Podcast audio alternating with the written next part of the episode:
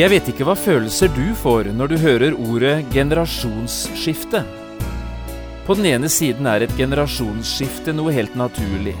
Ingen generasjon kan holde på til evig tid. Men på den andre siden er et generasjonsskifte noe av det vanskeligste som finnes. Hvem av oss kjenner ikke ord som generasjonsmotsetninger og generasjonskonflikter? Det er problematiske ting.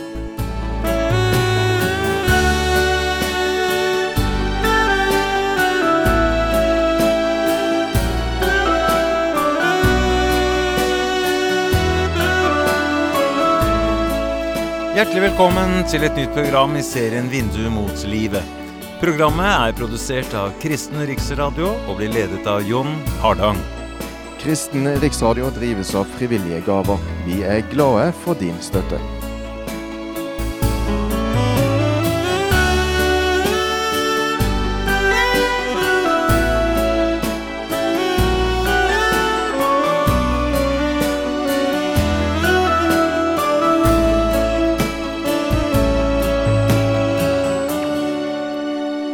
Vi er i dag kommet fram til det siste programmet i denne bibelundervisningsserien, som handler om profeten Elias. I tolv programmer har vi nå gjort en bibelvandring, der vi har prøvd å stanse for de viktigste begivenhetene i denne berømte profetens liv. Du kan også få kjøpt denne programserien på CD ved å henvende deg til P7 Kristen Riksradio. I dette siste programmet skal vi lese om det som skjedde da profeten Elias ble tatt opp til himmelen i en ildvogn, og da etterfølgeren, Elisa, Safats sønn, sto igjen ved bredden av Jordanelven. Vi leser fra andre kongebok i kapittel to, og vi skal lese vers 9 til 15. Jeg har kalt dagens program Vaktskifte. Da de nå var gått over, sa Elias til Elisa. Si hva du ønsker jeg skal gjøre for deg, før jeg blir tatt bort fra deg. Elisa sa, La meg få en dobbelt del av din ånd. Elias svarte, Det er en stor ting du ber om. Hvis du ser meg når jeg blir tatt bort fra deg, skal du få det du ber om, ellers får du det ikke. Mens de så gikk og talte sammen, kom det brått en ildvogn og ildhester, og skilte dem fra hverandre, og Elias for i stormen opp til himmelen. Da Elisa så det, ropte han, Min far, min far, Israels vogner og ryttere, og han så ham ikke mer. Da tok han fatt i sine klær og rev dem i to stykker. Så tok han opp Elias' kappe, som var falt av ham, og han vendte tilbake og sto ved Jordans bredd. Og han tok Elias' kappe som var falt av ham, og slo på vannet og sa, Hvor er Herren, Elias' Gud? Slik slo også Elisa på vannet, så det skilte seg til begge sider, og han gikk over. Profetenes disipler i Jeriko som sto rett imot ham, så Elisa, og de sa, Elias' ånd hviler over Elisa og de kom imot ham og bøyde seg til jorden for ham.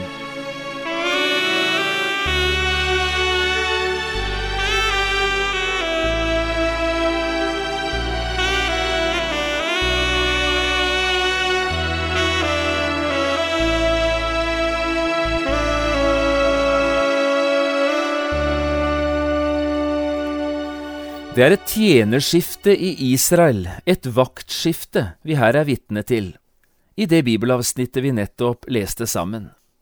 Den aldrende profeten Elias legger nå staven ned, og en ny profet står fram, profeten Elisa. Vi kunne bruke mange ulike ord om en situasjon som dette. Kanskje kunne vi kalle det for en stafettveksling i Israel der stafettpinnen blir levert fra den ene løperen til den neste. Eller vi kunne beskrive det som et vaktskifte i Israel. Formiddagsvakten er avsluttet, nå er det ettermiddagsvakten som skal på jobb. Men kanskje burde vi helst kalle dette for et generasjonsskifte i Israel. Den eldre generasjonen, Elias, avslutter sin tjeneste, og den yngre generasjonen, Elisa, trår til. Et generasjonsskifte er på den ene siden noe ganske naturlig. Ingen generasjon vil kunne holde på til evig tid.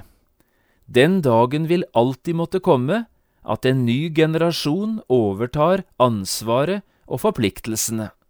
Det gjelder både i arbeidet og det gjelder i familien. Og på samme måten er det også på det åndelige området. En Moses ble etterfulgt av en Josva. Da Paulus ikke var i stand til å reise mer, sto en ung mann, Timotius, klar til å overta. Eller som vi ser det her, da Elias avsluttet sin profetgjerning, sto en ny, ung profet klar, med kappen på. Slike ting er altså helt naturlig. Generasjoner kommer, og generasjoner forsvinner. Elias var et menneske under samme kår som vi, står det i Jakobs brev, kapittel 5 og vers 17. Og til disse kårene hører også at livet og tjenesten en dag vil ta slutt. Det kommer ingen av oss unna. Heldigvis, vil nå jeg si da, men dermed må en ny generasjon overta. Et generasjonsskifte kan imidlertid, på den andre siden, også være problematisk. Vi kjenner godt ord som generasjonskløft og generasjonsmotsetninger, og vi vet at det ofte bakom slike ord skjuler seg vanskelige følelser og vonde konflikter. I mange viktige spørsmål tenker nemlig generasjonene forskjellig fra hverandre. Det gjelder også i kristne sammenhenger og på det åndelige området. Når det gjelder det generasjonsskiftet vi er vitne til i andre kongebok to, synes dette skiftet ikke å være preget verken av konflikter eller motsetninger. Jeg tror det er mange og sterke følelser i sving denne dagen ved Jordan, men noen konflikt er det ikke snakk om. Elias avslutter en lang og rik tjeneste, og Elias er klar for det å slutte. Og Elisa, den unge profeten, han går inn i tjenesten, full av forventning og spenning. I forbindelse med et arveoppgjør skjer det av og til at det blir åpnet et testamente. Den avdøde har på forhånd gjort ferdig dette testamentet, og her har han skrevet ned sin siste vilje.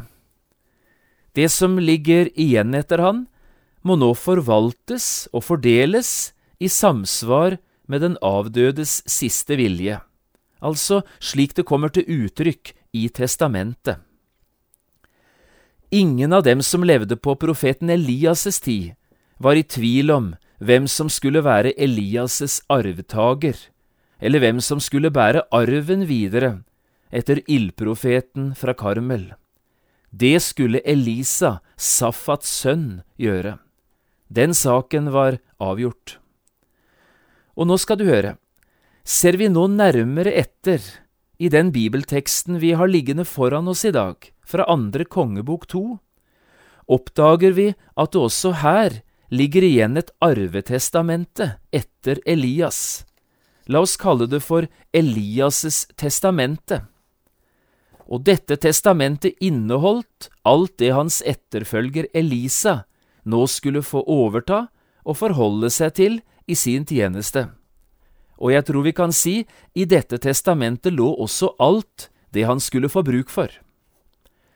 Det er brukt tre sterke uttrykk i bibelteksten, som jeg nå har lyst til å be deg understreke, for det er disse tre uttrykkene som til sammen utgjør Elias' testamente. For det første står det slik i vers 13. Så tok Elisa opp Elias' kappe. Dette var det første som lå igjen etter Elias, den første del av arven, Elias' kappe. Så står det for det andre slik i vers 14.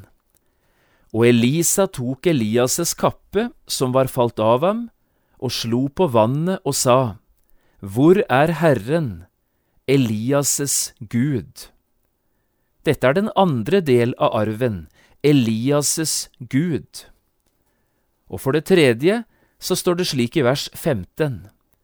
Profetenes disipler i Jeriko, som sto rett imot Elisa, så ham, og de sa, Elias' ånd hviler over Elisa. Og dette er den tredje og siste del av arven, Elias' ånd. Her har du altså testamentet, Elias' kappe, Elias' Gud, Elias' ånd.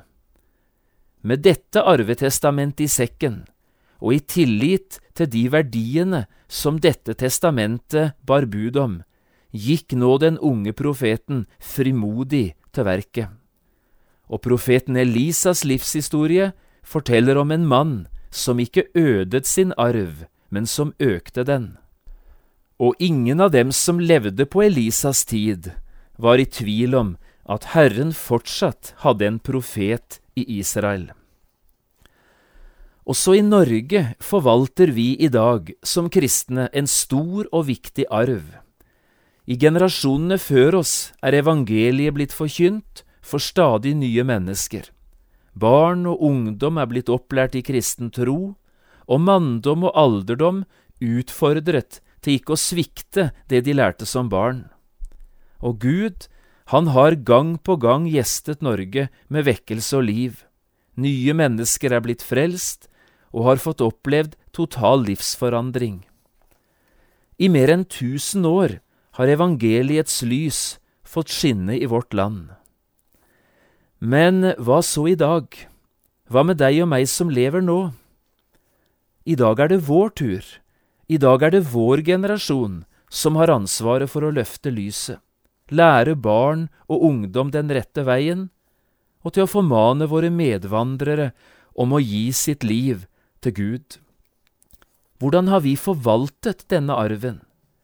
Hvordan har du og jeg tatt vare på det testamentet som ligger igjen etter generasjonene før oss? Har vi øket arven, eller har vi bare ødet den? Hvis vi ser omkring oss på alt det som i dag skjer, kan det være mye som tyder på at vi har vært dårlige forvaltere av en stor og rik åndelig arv.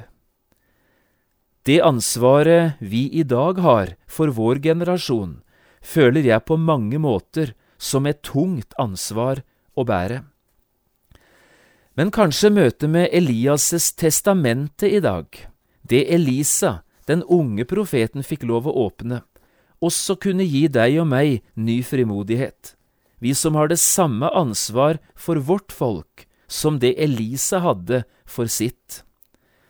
Så la oss nå prøve å se litt nærmere på dette Elias' testamente, som vi altså møter her i andre kongebok og kapittel to. Det første vi leste om, var Elias' kappe, og vi leste følgende. Så tok Elisa opp Elias' kappe, som var falt av ham, og han vendte tilbake og sto ved Jordans bredd.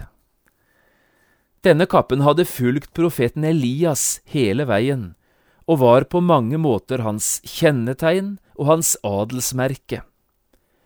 Men når han nå farer opp til himmelen i stormen, er det som en usynlig hånd løser kappen fra profetens skuldre. Og samtidig som Elias blir borte, faller Elias' kappe ned, rett foran føttene på Elisa. Det er denne kappen Elisa nå tar opp og legger omkring sine egne skuldre. Også en gang tidligere hadde unggutten Elisa møtt denne kappen, og møtet med Elias' kappe skulle gjøre denne dagen til den viktigste dagen i hele hans liv. Kanskje vi skulle lese om det som skjedde, slik det er fortalt i første kongebok 19. Da nå Elias gikk derfra, møtte han Elisa, Safats sønn, som holdt på å pløye. Tolv par okser gikk foran ham, og selv var han ved det tolvte paret. og Elias gikk bort til ham og kastet kappen sin over ham. Den unge gutten forsto meget godt hva dette betydde.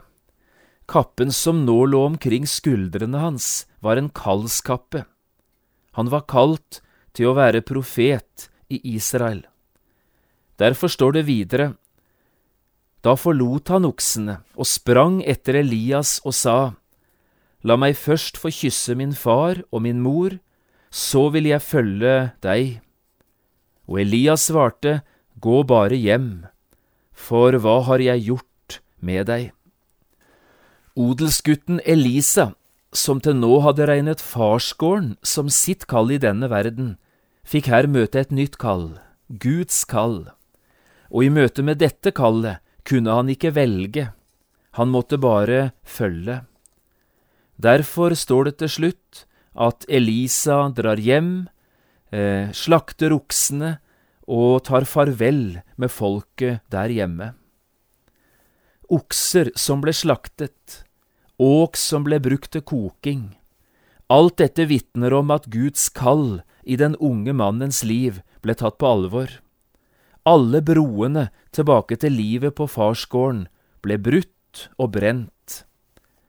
Elisa arvet et kall, og mot dette kallet var han lydig. Elisa eide ikke et kall, men kallet eide han. Nettopp dette tror jeg er noe av den største svikten og svakheten i min generasjon når det gjelder det å tjene Herren. Jeg tenker på mangelen på kallsbevissthet og mangelen på kalls troskap. Den sterke uviljen mange har til å ta ansvar og til å forplikte seg, er iøynefallende. I dag blir du bare med hvis det passer, og hvis du ikke akkurat har noe annet for deg. Men det er jo ikke å leve i et kall. Det er å ville ta alle avgjørelsene selv. Det er å ville bestemme over sitt eget liv. Å, men jeg skulle ønske for deg som hører dette, at også du tok kallskapen opp, den som kanskje enda ligger foran deg. Og så spurte du Gud, Herre, hva vil du at jeg skal gjøre for deg? Jeg tror at det skulle bli nøkkelen, også for deg, til et nytt og langt rikere liv enn det du i dag opplever. Det andre som hører Elias' testamente til, er ordene Elias' Gud. Du skal merke deg at det første Elisa nå gjør, etter at han har tatt Elias' kappe opp, det er å gå tilbake til Jordan. Han tok Elias' kappe, som var falt av ham, og slo på vannet og sa, Hvor er Herren, Elias' Gud? Og så står det videre, slik slo også Elisa på vannet, så det skilte seg til begge sider, og han gikk over. Noe tidligere hadde omtrent det samme skjedd, bare med den forskjellen at det da var Elias som hadde slått med kappen på vannet. Også da hadde vannet skilt seg til begge sider, så Elias og Elisa kunne gå tørrskodd over. Dette var som en bekreftelse på at Herren Israels Gud var med Elias. Men dermed forstår du jo også hvorfor Elisa gjør det han gjør. Den nye Herrens profet hadde bruk for en synlig bekreftelse på at Herren også var med han, når han nå var på vei inn i sin nye tjeneste. Hans åndelige far, Elias, var tatt ifra han, det visste Elisa, og det kunne han ikke gjøre mere med. Men hvor var Herren, Elias' Gud hen nå? Var han blitt med Elias hjem til himmelen, eller var han blitt igjen hos Elisa, for å støtte og oppmuntre den nye profeten. Og Elisa fikk tydelig svar.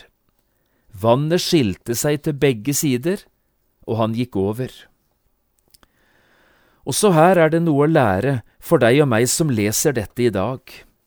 Også vi trenger jo et håndtrykk fra Gud selv, en bekreftelse på vårt kall, om vi skal kunne gå i den tjenesten som ligger foran oss, og bli stående i den, med frimodighet.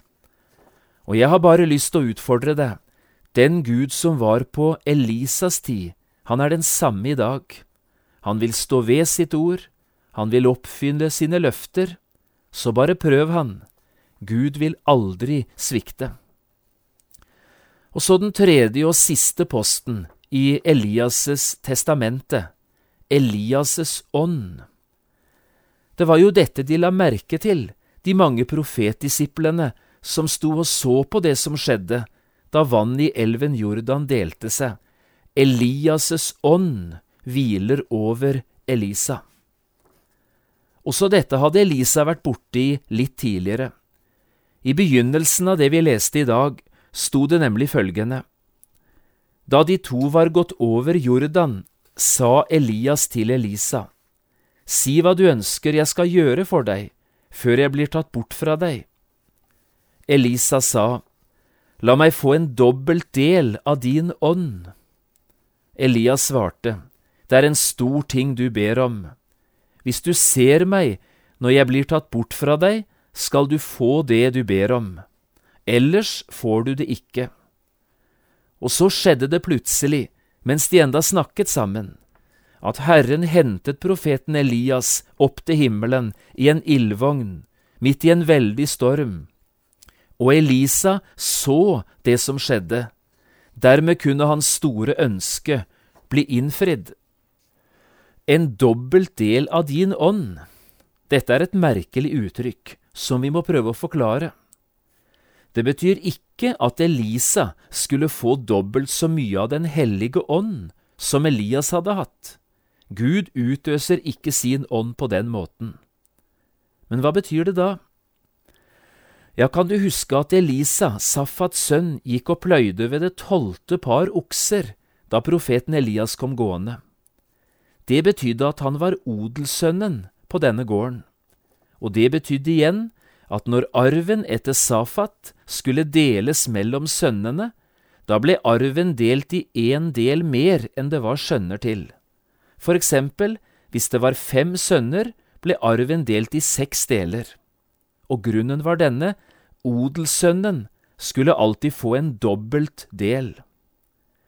Og det er dette Elisa her ber om.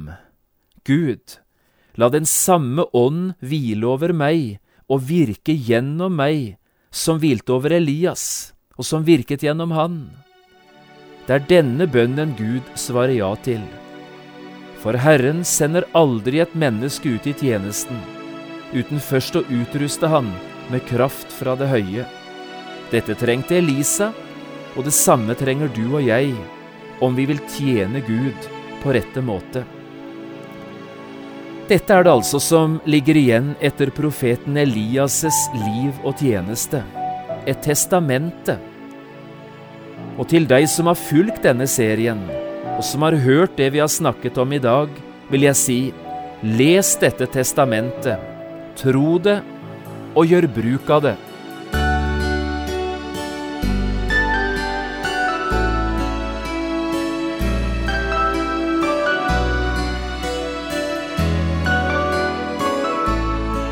Du har hørt på et program i serien Vindu mot livet med John Hardang. Programmene i denne serien kan også kjøpes på CD fra P7 Kristen Riksradio, eller høres på internett på p7.no. Har du spørsmål eller kommentarer til det du nå har hørt, kan du ta kontakt med oss på telefon. Da bruker du telefonnummer 56 32 17 01. Du kan også sende oss en e-post. Adressen er vml krøllalfa p7.no. Takk for i dag, og på gjenhør.